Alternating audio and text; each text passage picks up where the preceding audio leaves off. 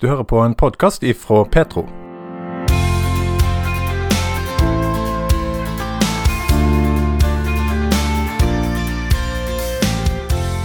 Vi blir påvirka av de vi har rundt oss, og måten vi blir speila av andre, gjør noe med oss. I denne serien på åtte program så skal vi se nærmere på tema som sorg, samlivsbrudd, når eh, barna har eh, forlatt eh, trua de vokser opp med, og det å være sårbar. I programmet nå så skal det handle om hva kirka kan tilby når livet er vanskelig. Historisk så har mennesker oppsøkt kirke for forbønn i mange hundre år. Men hva skjer når samfunnet har utbygd helsetjeneste og en velferdsstat som Norge? Hva kan kirka og menigheter i dag tilby mennesker som er syke eller i ulike sorgfaser? Kristian Lilleheim jobber som pastor i Bergen misjonskirke, NLM Bergen, og han sier at bønn i dag er et mer personlig forhold til Gud. Jeg tenker jo at bønn har en uh, rolle å spille for det personlige forholdet med Gud, først og fremst. Uh, I salmen står det at bønn er at vi kan øse ut vårt hjerte for Gud. Og det innebærer jo både de fine, flotte setningene som vi sikkert har lært både på bedehuset og i kirka, men det innebærer òg de tankene som er vonde å ut, uh, uttale til andre mennesker. Uh, så først og fremst tror jeg at bønn er noe som den individuelle kan få, få møte Gud med, uh, og som de kan søke forbønn for og om. Og så er bønn en av den tingene Gud har gitt oss i vanskelige perioder. Men når du har det vanskelig, og en skal gjøre sånn som du sier, eh, be om hjelp i en sånn situasjon. Hvis en da opplever å ikke få hjelp, mm. vil en da oppleve dobbel smerte? Det tror jeg, hvis en vil eh, møte kanskje den eh, floskelen der om at 'dette var leit å høre, jeg skal be for deg'. Det kan oppleves som en eh, ansvarsfraskrivelse på at her ble jeg ikke møtt. Her ble jeg ikke lytta til. Her ble jeg bare møtt med en som eh, ikke nødvendigvis vil lytte, men bare vil, vil, gi meg den vanlige leksa. Og det kan nok føles veldig vondt. Eh, jeg har en sånn regel på at eh, jeg ønsker jo at de som kommer, skal få reell hjelp eh, når de kommer til meg for å, å ha en samtale. Og det innebærer i veldig mange tilfeller at jeg må se min begrensning. Jeg eh, kan prate eh, mange samtaler med folk, men etter hvert så er jeg en relativt ung pastor, og etter hvert vil jeg se at min erfaring og min utrustning den gjør at vi går i sirkler. Vi kommer tilbake til det samme hele tida. Og Derfor har jeg en sånn eh, regel for meg sjøl om at når jeg, i det jeg merker at nå kan ikke jeg hjelpe denne personen lenger, rent faglig, jeg, har ikke kompetanse til det, Eh, den trenger noe annet enn å bare Eller ikke bare, men den trenger noe annet enn sjelesorg eh, og samtaler om, om det åndelige livet men trenger mer hjelp, så pleier jeg å si å enten vise de videre til, til, folk i menigheten vår som har utrustningen og nådegaven til det, og som er trente og som har kompetansen. Eller eh, noen tilfeller har jeg sagt at jeg tror du skal ta et besøk til fastlegen din og snakke om dette. Eh, eller anbefale kanskje en terapeut, eller noe sånt. Og jeg er veldig opptatt av å sette begrensninger på meg sjøl. Jeg er ikke den som kan hjelpe disse i alle tilfellene. Men jeg har veldig lyst til å hjelpe dem et skritt videre fra det som jeg har pratet om. Men, men, kommer folk til deg før de går til fastlegen? For jeg tenker jo mer at uh, vi har såpass mange hjelpemidler rundt omkring, altså fastlege, lege, sykehus, uh, terapeuter, psykologer, at når en ikke får hjelp, det er da en kommer til pastoren eller kirka og ber om forbønn, for, for, her var det ingenting som kunne hjelpe. Ja, jeg kan si at fysisk, altså Når folk er fysisk syke, så, så søker de eh, fastlegen om hjelp. Det er helt riktig. Helt korrekt, tenker jeg. Eh, av og til så kommer det folk som, som har eh, lyst til å prate om noe. Livet kan være litt tungt, og de, de deler noen tanker og litt sånt. Og, og det går kanskje sakte, men sikkert opp for meg at disse er jo utbrent. Eller disse er jo deprimerte. Eh, og vi får prate litt om det, og da hender det at jeg sier at etter den samtalen så tror jeg du skal bestille time hos fastlegen din og, og, prate om dette, for da kan du få en hjelp som, som er, er eh, profesjonell til dette. I Kristen-Norge så sier en ofte at en kan gå til Jesus med sorga si. Er egentlig det en god ting å si? Ja, jeg tror det. Eh, for det første så er det jo sånn vi var inne på i starten her med bønn. Um, og det, der kan vi jo si at bønn er ikke bare de fine ordene, men det er òg eh, sånn som David var i salmene, så det er jo bønner som vi ville eh, vridd altså tenkt liksom at dette er ikke fint gjort, David, men han ba ut følelsene sine. Og om Gud svarte ja, nei eller vent på de bønnene, det vet vi ikke, men Bibelen åpner opp for at de bønnene er greie å be. Eh, alle de vonde bønnene, alle de sinte, alle de triste og i det hele tatt. Og så er det òg noe med, som har gått opp gjennom kirkehistorien, det at eh, der to og tre er samla i mitt navn, der jeg er midt iblant de. Altså Det er ikke bare det å sitte i et lønnkammer og be for seg sjøl til Jesus og sette ord på sorgfølelsen, men opp gjennom kirkehistorien, og spesielt i dag, så har vi jo sorggrupper i kirka. Eh, og du kan se spesielt anonyme alkoholikere som, som, møtes i fellesskap, men det er en bekjennende faktor der, med at dette vi deler nå, der er Jesus iblant oss. Eh, sånn som det starter opp i, i den vekkelsen der eh, det har sin bakgrunn i. At fellesskapet Um, er òg en plass der en møter Jesus. At en kan få sammen med andre mennesker som kan være i samme situasjon, eller har vært i samme situasjon, kan få være noen som hjelper deg til å sette ord på ting på en legende måte. Uh, og at uh, Jesus i like stor grad kan bruke fellesskapet som den stille bønnen, uh, der en kan få øse ut sitt hjerte. Og da kan en bli møtt av Jesu hender og føtter, som er de omfavnende hendene, eller den støttende klappen på, på skuldra av andre som har gått gjennom det samme. Og Paulus skriver litt om det samme, at han, han har blitt Han har lidd noe, men for å trøste noen andre, eh, står det vel om i Korinter, et av korinterbrevene.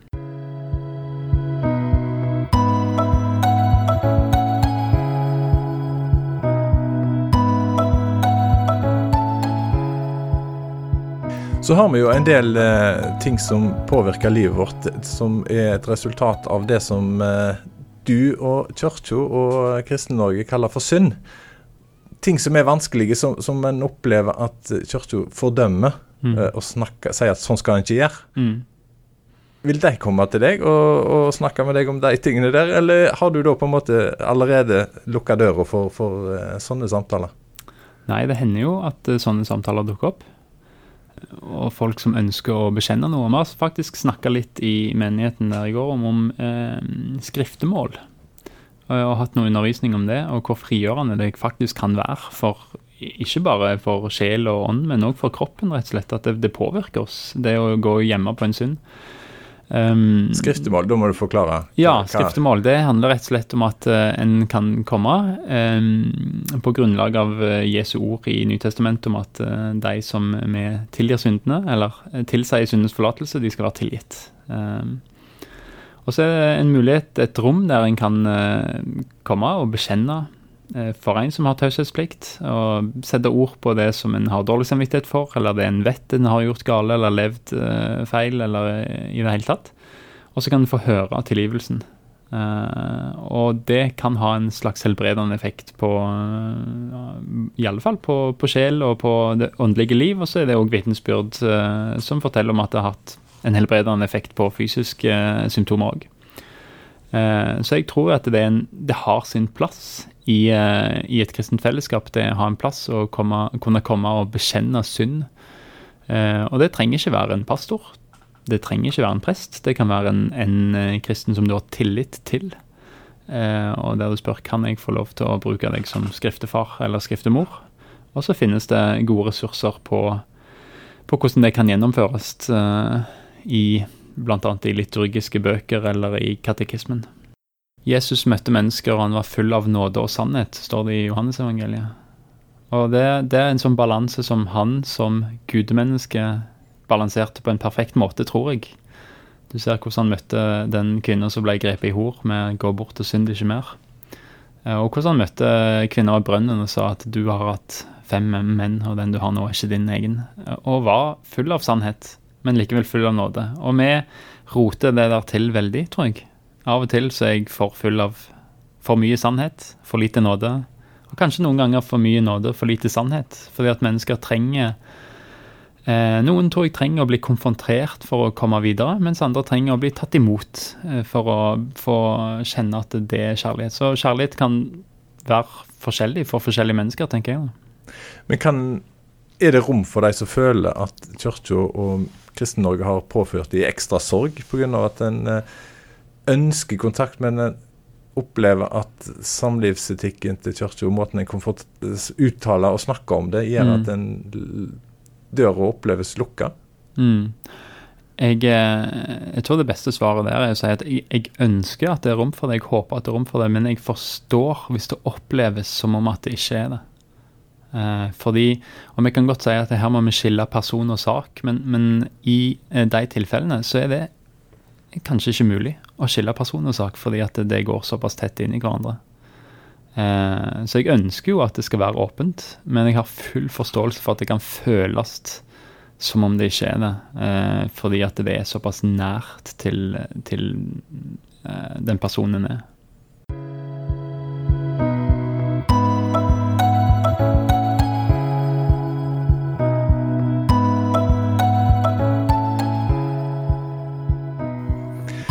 Men, nå sitter jo du som pastor, og du, du, har god kjennskap til dette her. Og du jobber i Bergen, Norges nest største by når du treffer, når du ser mennesker som går rundt i samfunnet vårt i dag, hva er det du tenker de kunne komme til deg med eh, som mm. pastor for mm. å få eh, snakket om?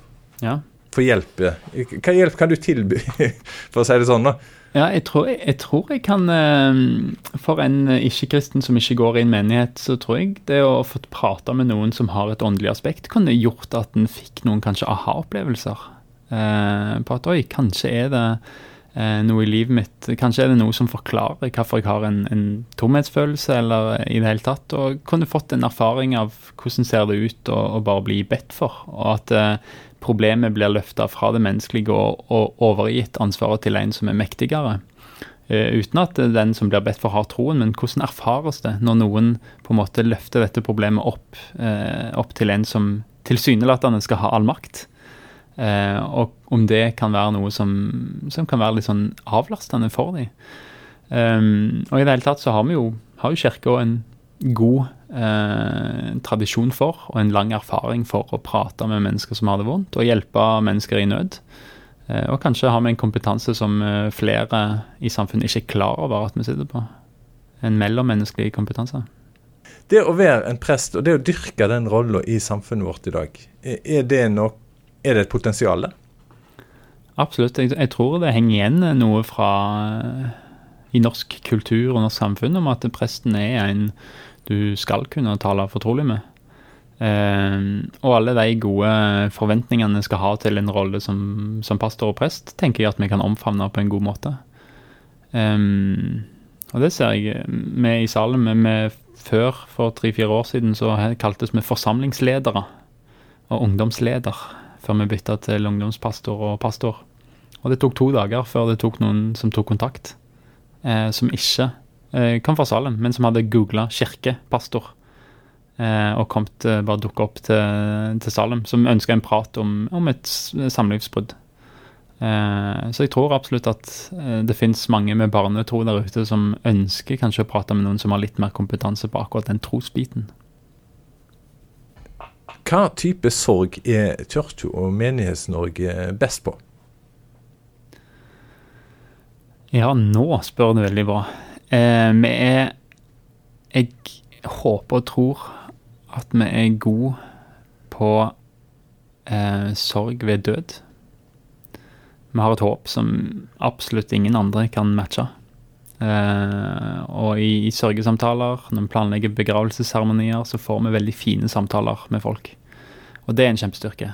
Og så er det et ønske og en drøm og et håp om at vi kan bli enda bedre på den sorgen som har med ensomhet å gjøre. Um, og ikke minst samlivsbrudd og alt dette. Og det finnes mye god kompetanse, uh, så får vi håpe at vi bygger den stadig bedre. Kristian Lilleheim er pastor i Bergen misjonskirke NLM Bergen. Ønsker du noen å snakke med, så kan du kontakte Kirkens SOS på nettsida deres, eller du kan ringe dem på 22 40 00 40. Bjørnstein Haugland heter jeg, og denne programserien er laga ved støtte fra Medietilsynet. Du har hørt en podkast ifra Petro. Flere podkaster finner du på petro.no og i appen Petro.